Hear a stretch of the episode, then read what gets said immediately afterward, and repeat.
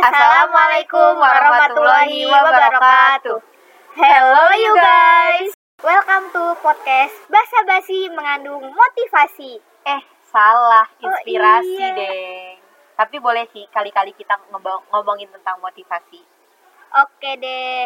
Oh iya, untuk tema Basa Basi kita kali ini, kita akan berbincang-bincang santai seputar dilema kekerasan seksual di instansi pendidikan. Oke, sebelumnya nih, menurut kamu kekerasan seksual itu gimana sih? Arti kekerasan seksual jika mengacu pada RUU PKS bab 1 pasal 1 diartikan sebagai perbuatan merendahkan, menghina, menyerang dan atau perbuatan lainnya terhadap tubuh, hasrat seksual seseorang dan atau fungsi reproduksi secara paksa bertentangan dengan kehendak seseorang yang menyebabkan seseorang itu tidak mampu memberikan persetujuan dalam keadaan bebas karena ketimpangan relasi kuasa dan atau relasi gender yang dapat berakibat penderitaan atau kesengsaraan secara fisik, psikis, seksual, kerugian secara ekonomi, sosial, budaya, dan atau politik. Begitu sekiranya. Nah, akhir-akhir ini kan di Indonesia nih lagi gencar nih kasus kekerasan seksual yang bertubi-tubi dan udah lama menjelma sebagai fenomena gunung es. Contohnya kayak kasus di Universitas Sriwijaya, Universitas Negeri Jakarta, Universitas Riau, dan Pondok Pesantren Tafid Al-Islam. Dan dilansir dari data yang disajikan oleh KPAI, kekerasan seksual di lingkungan pendidikan ini tercatat ada sebanyak 18 kasus dan ini dihimpun mulai dari 2 Januari sampai 2 Desember 2021. Menurut kamu apakah 18 kasus ini sudah mencakup semua kasus? Atau kalau belum, berarti kan mungkin selama ini masih banyak nih yang korban yang belum berani untuk mengungkapkan. Dan kalau boleh dan kalau boleh tahu nih, kira-kira alasannya kenapa ya? Oh iya bener banget tuh. Dan dengan banyaknya masyarakat yang menjadi korban kekerasan seksual, mereka justru lebih memilih untuk tutup mulut atas kesalahan yang sama sekali bukan disebabkan oleh mereka sendiri. Mereka lebih memilih untuk bungkam.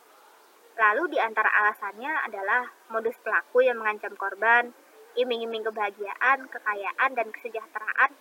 Apalagi akhir-akhir ini banyak di antara pelakunya yaitu terdiri dari dosen-dosen. Dan alasannya hanya sekedar iming-iming mendapatkan nilai baik.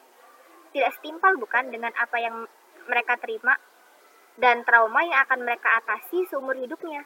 Nah, ngomong-ngomong nih, kan baru-baru ini Pak Na- Bapak Nadiem Makarim selaku Menteri Pendidikan Indonesia baru saja mengeluarkan Permendikbud nomor 30 tahun 2021 tentang pencegahan dan penanganan kekerasan seksual atau PPKS. Apakah kamu setuju dengan Permendikbud tersebut? Wah, aku sih setuju banget tuh sama Permendikbud nomor 30 tahun 2021.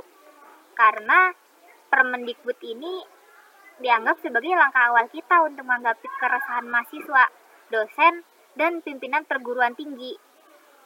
Dan tak lupa juga masyarakat tentang meningkatnya kasus kekerasan seksual di perguruan tinggi.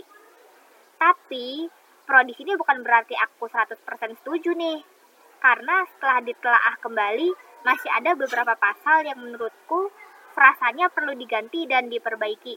Seperti contohnya pada pasal 5 ayat 2, huruf B, F, G, H, J, L, dan M yang berbunyi B. Memperlihatkan alat kelamin dengan sengaja tanpa persetujuan korban.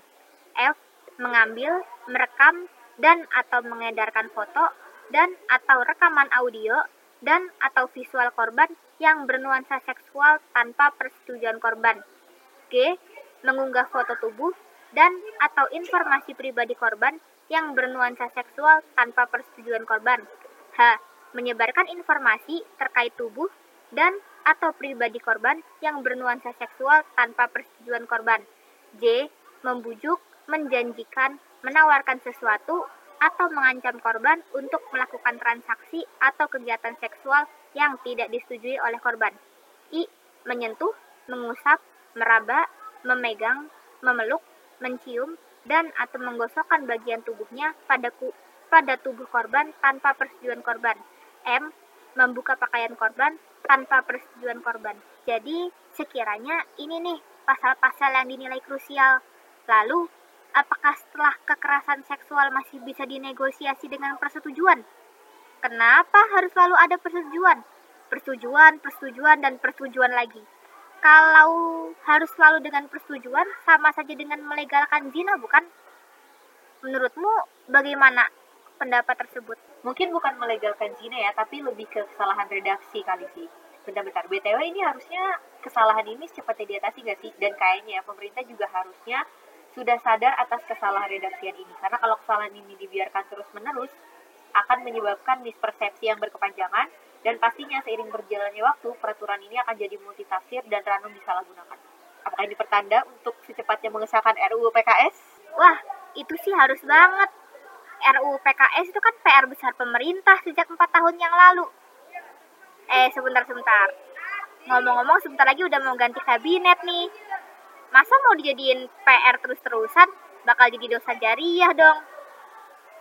Hmm, kira-kira kontribusi apa ya yang bisa kita berikan agar pemerintah bisa secepatnya mengesahkan RUU PKS ini?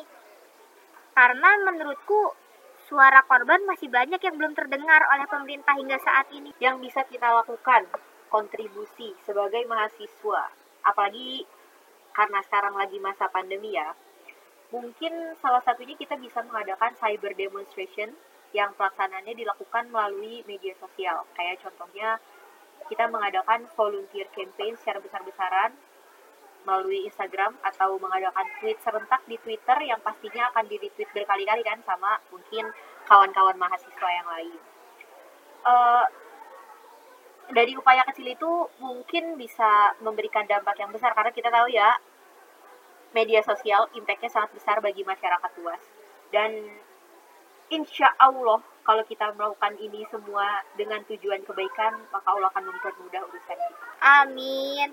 Oh iya, ngomong-ngomong udah berapa lama nih bincang-bincang kita kali ini?